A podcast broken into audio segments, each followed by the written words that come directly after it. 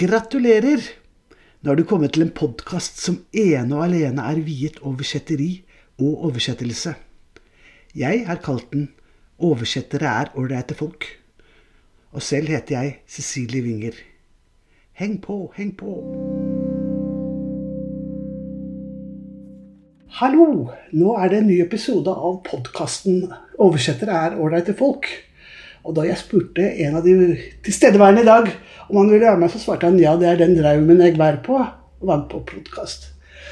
Så da er vi nemlig hos to nynorskoversettere. Tove Bakke her, velkommen. Og Reinar Hovland. Takk. Nynorskoversettere. Dere er også franskoversettere, men dere oversetter til nynorsk.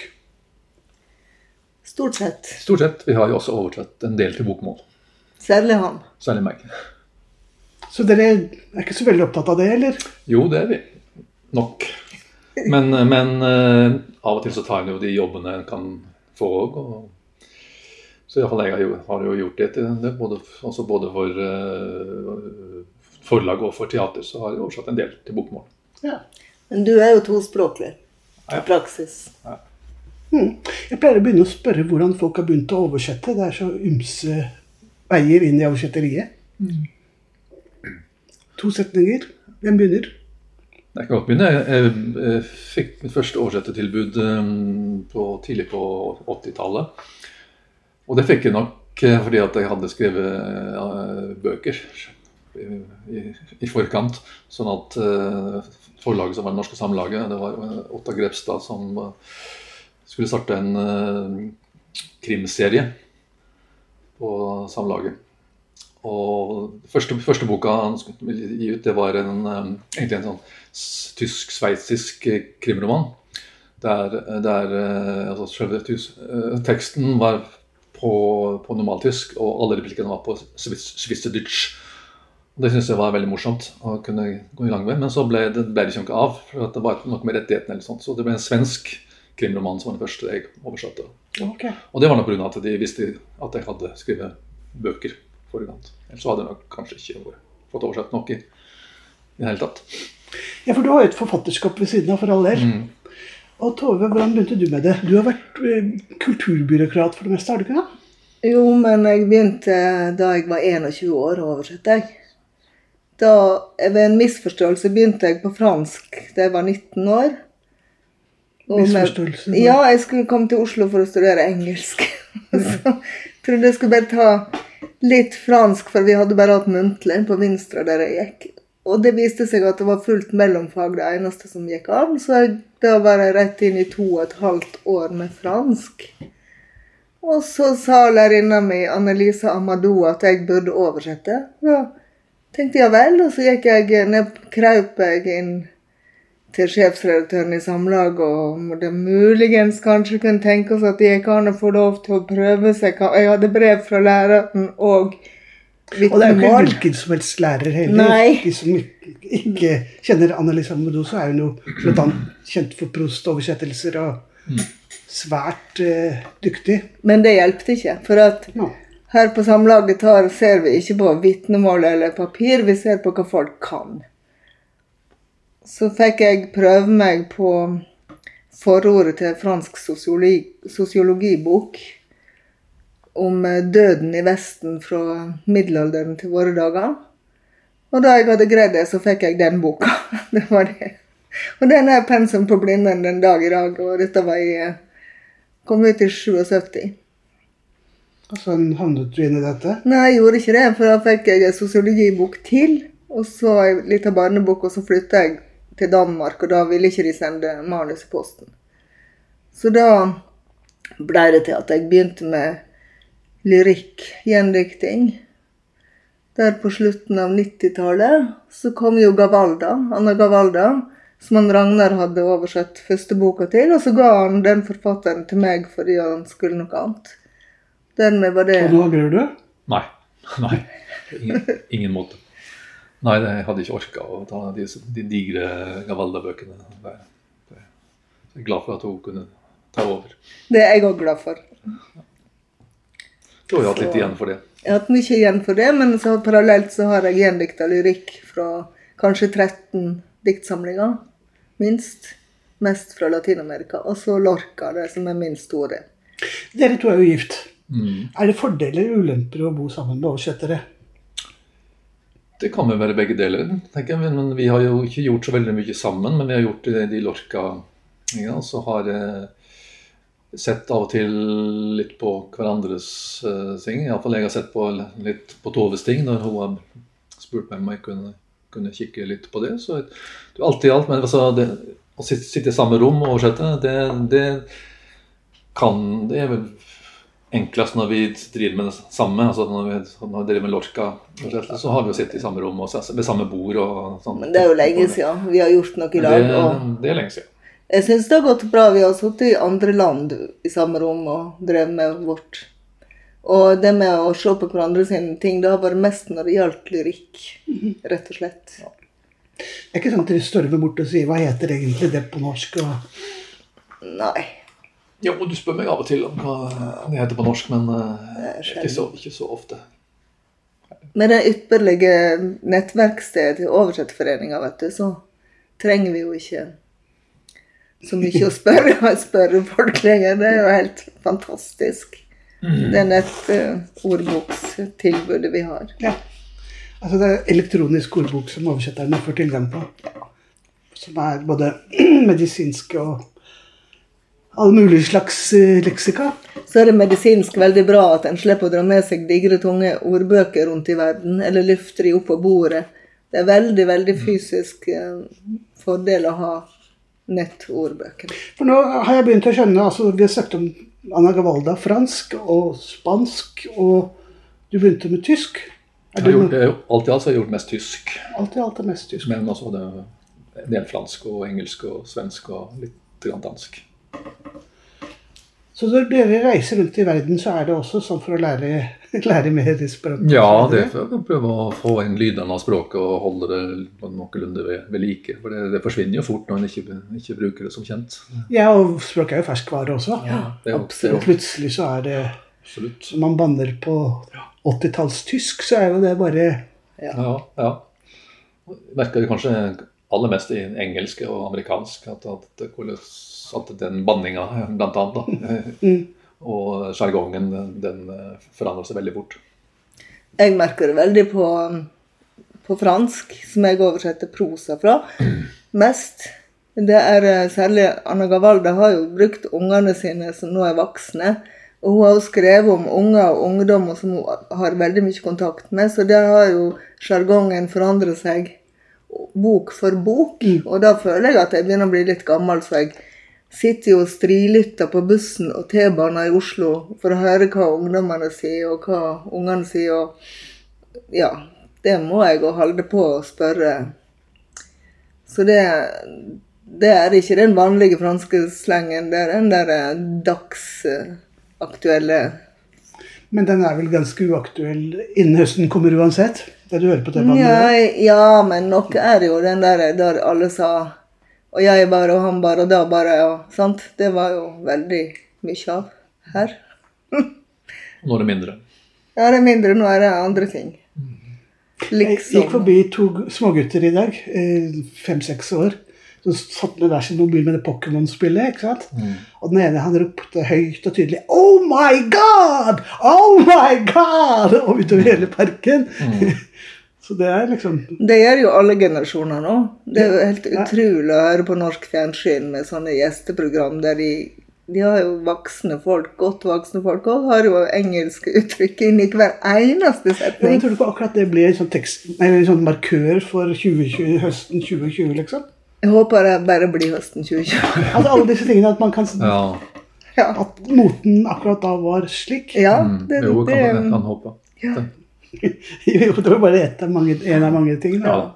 Men jeg har oversett veldig mye lyrikk. Men fra, jeg oversetter jo prosa fra engelsk og svensk og ja, spansk og dansk og Så har det vært gjendikting fra portugisisk og så jeg driver, og katalansk teater. Og, så jeg driver og veksler mellom mange forskjellige lydsystem, kan du si. voldsom språkmektighet i huset. Nei, men, nei, men jeg merka det kanskje aller mest tydelig, bortsett fra enkelte teaterstykker, så var det jeg oversatte tre bøker av den irske Roddy Doyle, Barrytown-trilogien. Der er det jo er, er det, altså, veldig mye dialekt i replikkene, og så veldig mye sjargong. sånn, sånn altså, Og det foregår jo nok en tiår til, tilbake i, i tid. ja. Så jeg tenkte at altså, man må ta et balanse. altså Hva var det tilsvarende uttrykk på norsk den, den gangen? Og, og, og ikke, når jeg ikke husker det, så får jeg heller bruke et mer uh, nå, nåtidig uttrykk. Men det, det er sånne, sånne av, avveielser som en må ta hele tiden. Men du fikk jo god, veldig god kritikk for eh, den serien. Det sto jo i en anmeldelse at det var bedre enn originalen. Ja, det var det ikke. Og det var til bokmål, altså. ja, det var til bokmål. Så det var en fest å oversette til bokmål innimellom.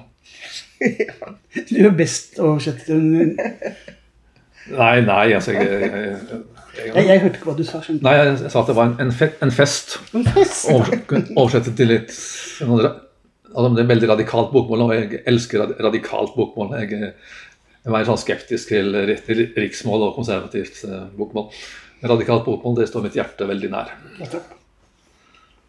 Driver dere mest med teater eller med bøker for tiden? For tida så har jeg fått plutselig tre teaterstykker etter hverandre om de mest ville, vilt ulike ting. Det ene handler om eh, utvikling av amerikansk kapitalisme og finans, mot finanskrisa i 2008. Og eh, jødedommen og eh, familiekrønike fra 1844 fram mot da.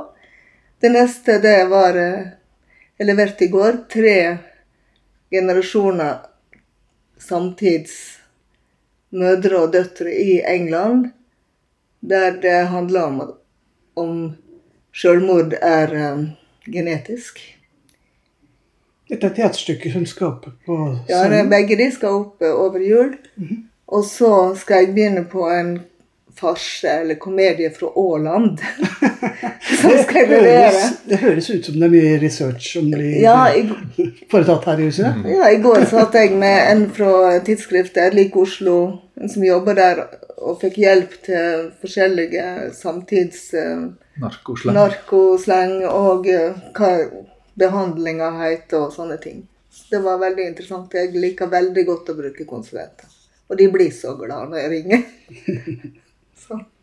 Du har brukt eh, konsulenter av alle slag Ja. innenfor vitenskap, vitenskapen eller hva, hva, politikk eller narkom... Alt mulig. Oversett Oversetter jo småbarnsleksikon fra Larousse. Vi oversetter jo begge to av de 20 stykk til sammen. Og det var jo alle slags dyr og ting på den jord. Men ting har jo blitt lettere etter det store internettet ble en del av hverdagen vår. Oh, ja, ja, det kan ikke sammenlignes. kan ikke sammenligne. Nei, det er jo så mye lettere. Men på den andre sida så benytter forfatterne seg av den eh, utveien at de slipper å forklare en eneste ting. Sant? Så du må jo sitte og drive akkurat samme researchen som forfatteren har gjort. da. Det har forandret seg. Jeg har oversatt bøker hvor, hvor matvarer og retter og forskjellige ting er så spesifikke at jeg ser at det bare er ett eneste treff. Og det var akkurat i den byen og akkurat den tidsperioden jeg har vært. Så jeg liksom føler at jeg har vært akkurat i samme løypa etter forfatteren. Ja. Jeg hadde en bok eh, i fjor, sakprosa i fjor, Emanuel Carrer, om eh, Paulus og tidlige kristne. og ja, 600 sider om det. Og da var det noen ganger jeg googla, og da var sitatet henta fra akkurat den boka. det eneste som sto på nettet, var hans setning. Er det morsomt med å oversette, syns dere? Det er bare moro. Ja. Og vanskelig. Jo da, det kan det, Jo, det, det er jo slitsomt av og til. når en Har, jeg, jeg overskrider jo alltid tidsfristene, og da så blir jeg stressa. Men, eh, men eh, i utgangspunktet så, så er det jo, det er jo morsomt å oversette. Det, det, for meg som også skriver skjønnlitteratur, og for så vidt også sagprosa, så er det en sånn god eh, sånn, Hva er det for noe? Sånn ballvegg av sida. Har du blitt oversatt selv? Ja, det har jeg. Hvordan føles det? Det, de, språkene som jeg kunne kontrollere, så fransk og tysk, engelsk og svensk og dansk, så har, jeg, så har det sett veldig bra ut. Det ser bra ut. Ja. Kinesisk har jeg ikke klart å Nei. Sammen med serbisk, men, men de andre har jo kunnet sjekke. Det, det, det har de blitt, det blir bra. Men tar oversetteren da kontakt med deg, eller er det litt I noen tilfeller har de gjort det, men ikke, sånn, ikke veldig mye. Nei. Men det enkelte tilfeller at det, er ting de lurer på, det, forstår jeg jo godt. Så da har de, da har de tatt kontakt. Ja, for jeg tar ofte kontakt med mine forfattere, og de opplever at de blir veldig glade når de blir spurt. Ja. Ja, Gavalda er en drøm for en oversetter. Hun, eh, hun samler sammen spørsmål fra alle 41 oversetterne, og så sender hun ut til alle sammen. Så slipper hun å svare på det samme, og spørsmålene gjelder ofte samme problem. Mm. Så det er helt fantastisk. Eh, Og, eh, men jeg hadde en annen forfatter, han svarte ikke, han var helt eh, uinteressert. Så det er veldig personavhengig, og at de har tid til det òg. Når de har, skal ut og lansere bøkene. Men eh, det er veldig ålreit å vite at en har forstått det, da, når en står fast. Og det er ikke så mange jeg kan spørre om akkurat det. Men jeg har jo mange venner i andre land som jeg spør friskt, og omvendt. Oversettere som jeg hjelper. Det var jo litt artig at jeg satt og oversatte Paulus sammen med oversetteren av Vigdis Hjort om arv og miljø. Ja. Og jeg satt på ei side av bordet og spurte om bibelske ting som jeg sto fast i, og hun satt akkurat med den eh, rettssaken om incest og sånn. Og vi satt helt kaldt og bare spurte hverandre, og det gikk veldig fort og greit. ja, det er mange absurde samtaler. Ja, jeg tror ikke andre folk hadde skjønt eh, hva vi drev med. Jeg har altså, også oversett eh, noen eh, nåtidsforfattere, men jeg har vel aldri kontakta noen av de eh, sånn under, underveis under oversettelsen. Jeg prata med f.eks. Roddy Doyle et, etter at jeg hadde oversatt. Ja, men for å spørre om det liksom, For å høre om jeg kunne tenke at det var riktig og sånt. Men, uh, underveis har jeg aldri, egentlig aldri våget å kontakte de forfatterne. Nei, der er ikke jeg så nervøs. Jeg ber alltid folk ta med seg en bok de selv har oversatt. Har dere gjort det? Ja, Ja. ja. det har vi. Hvem har lyst til å begynne, da? Tove har lyst til å begynne. Ja. Hun smiler litt oppgitt, men hun venter. Er det du skal lese? Jeg skal lese litt fra ei litt ukjent eh, bok av Anna Gavalda som heter 'En vakker dag', og som kom ut eh, var det var 2009. Den eh, egentlig ei langnovelle. Men der er det nemlig åpningssetningene i boka. Jeg syns jo det alltid er veldig viktig med de åpningssetningene. Åpningskapitlet, så det pleier jeg alltid å utsette til sist, til jeg er sikker på at jeg har forstått boka. og Det er jo de viktigste setningene i hele boka. De Men jobber du deg ikke alltid gjennom Ikke første siden. jeg Bare lar være å oversette de første Men du leser dem? Ja, jeg leser hele boka først. Jeg Jeg er sånn som leser hele. Og, og så eh, Så da var det en veldig liten snutt her. Det handler om ei jente som går inn i bilen til broren og svigerinna. De skal kjøre til et bryllup utafor Paris, og hun har vært oppe hele natta og spilt poker. Hun har litt anstrengt forhold til denne svigerinna. Da tar jeg bare åpningsavsnittet, og så tar jeg det på fransk etterpå. Og så skal jeg forklare hvorfor det er så vanskelig når det høres så ufattelig enkelt ut. Fint. Ja. Jeg hadde knapt åpna bildøra og fått halve ræva inn på setet før svigerinna mi gikk løs på meg. Men altså, hørte du ikke at vi tuta? Vi har stått her i ti minutter. God dag, svarer jeg. Ja. Så er det på fransk å høre etter de fine lydrimer og sånt. Je n'étais pas encore assise, une fesse en l'air et la main sur la portière, que ma belle-sœur m'agressait déjà. Mais enfin, tu n'as pas entendu les coups de klaxon Ça fait dix minutes qu'on est là. Bonjour, je lui réponds. Her fikk vi et helt utrolig proble- problem. Det handler om at hun skal sette seg inn i det baksetet, og mens hun er på vei inn i bilen, så begynner hun svigerinna å kjefte.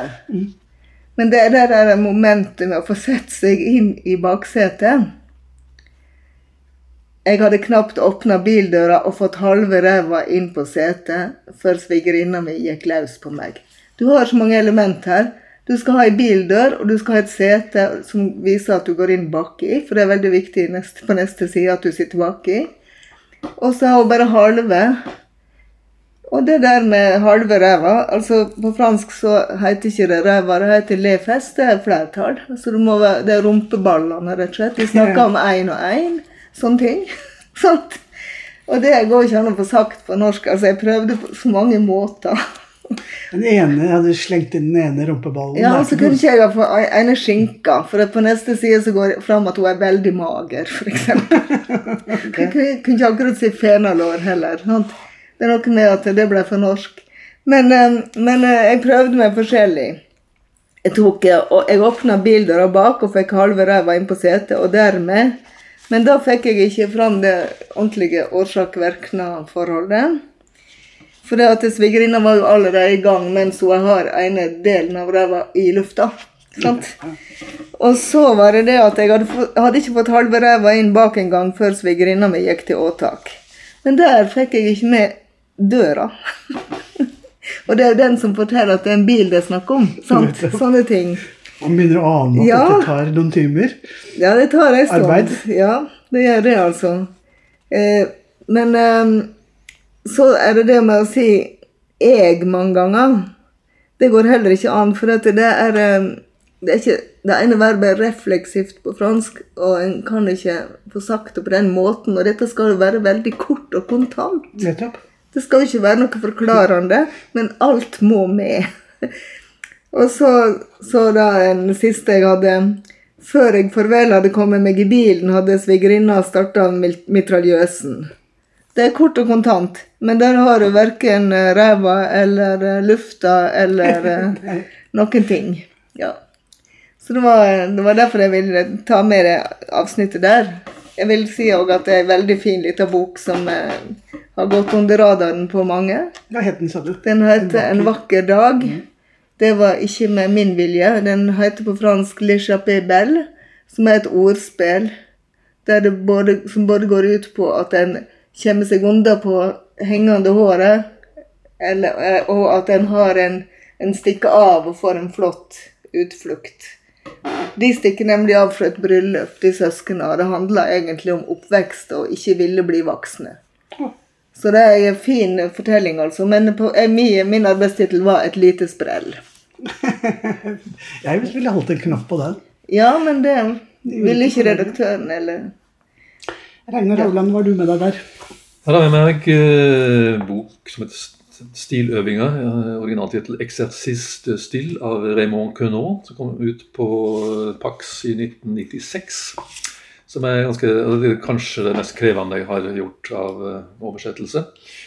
Eh, og det er en um, altså Utgangspunktet er et, en liten tekst. men Jeg skal lese den før jeg tar for Det blir med halv, halv side sammen, for det er veldig korte. Eh, og det er 99 versjoner av samme, samme situasjon. Eller samme, sa, samme tekst, da, som eller utgangspunkt. Bokstavelig talt. ja. Og, og det i alle tenkelige sjangre. Altså fra klassiske sånn Ode og alexandriner og, og, og, og, surrealistisk. Ja, altså det så- forskjellige typer teater. Tragedie, komedie og ja. Så jeg skal ta vise to eksempler, de er veldig korte. Altså, men jeg må ta bare så utgangspunkt som en liten observasjon som forfatteren har gjort i Paris på en eh, bestemt dag i antagelig rundt 1946, som denne boka kom ut. Ikke gang.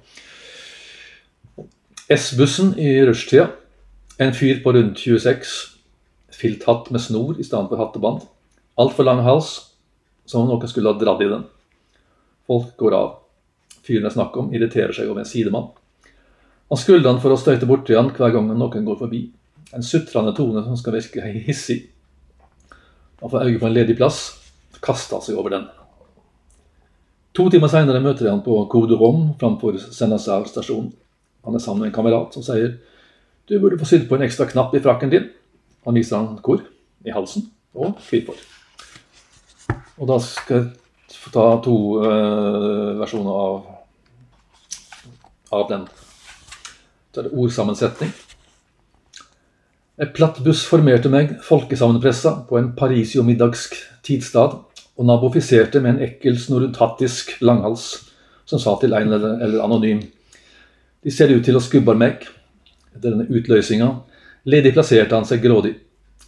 Ved en seinere romtemporalitet så jeg han at der var Saint Lazar stasjonert, sammen med en eks, som sa til han du burde knappesupplementere frakken din.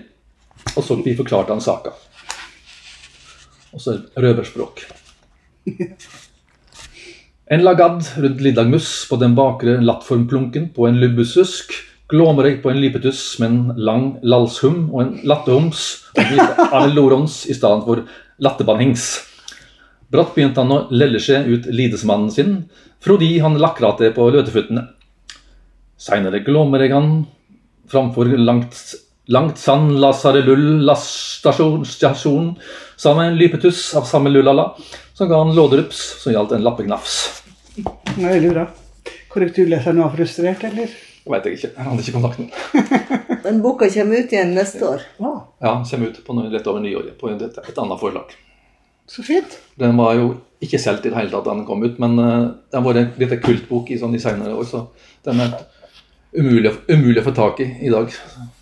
Bortsett fra hos meg, som jeg har noen Så er den vakkert innbundet. Jo, men det står jo ikke på baksida hva for bok det er. Så det er jo derfor ingen har åpna den boka. Nei. På ryggen. Men forsto jeg riktig, var det 99 forskjellige utgaver av samme tekst Ja. eh, i? Ja, samme, de som er han på bussen har samme uh, utdanning. ut og så han, møter han igjen eh, litt etterpå. på Ideen er jo kjempemorsom hvis den ikke blir en tvangstrøye. Men det høres jo veldig morsomt ut her. ja. Nei, det, var veldig morsomt å drive med, og det var jo en umulig oppgave, men uh, Den heter altså Stiløvinger og kommer ut neste år. Ja. Jeg tror det blir dagens siste ord. Ja. Ja. Takk for en så hyggelig samtale. ja Sjøl takk. Du har akkurat hørt ferdig en episode av 'Oversettere er ålreite folk'. Podkasten produseres av Ivi Grimstad. Den støttes økonomisk av Norsk Oversetterforening. Og selv heter jeg Cecilie Winger. Fortsettelse følger, så heng på, heng på!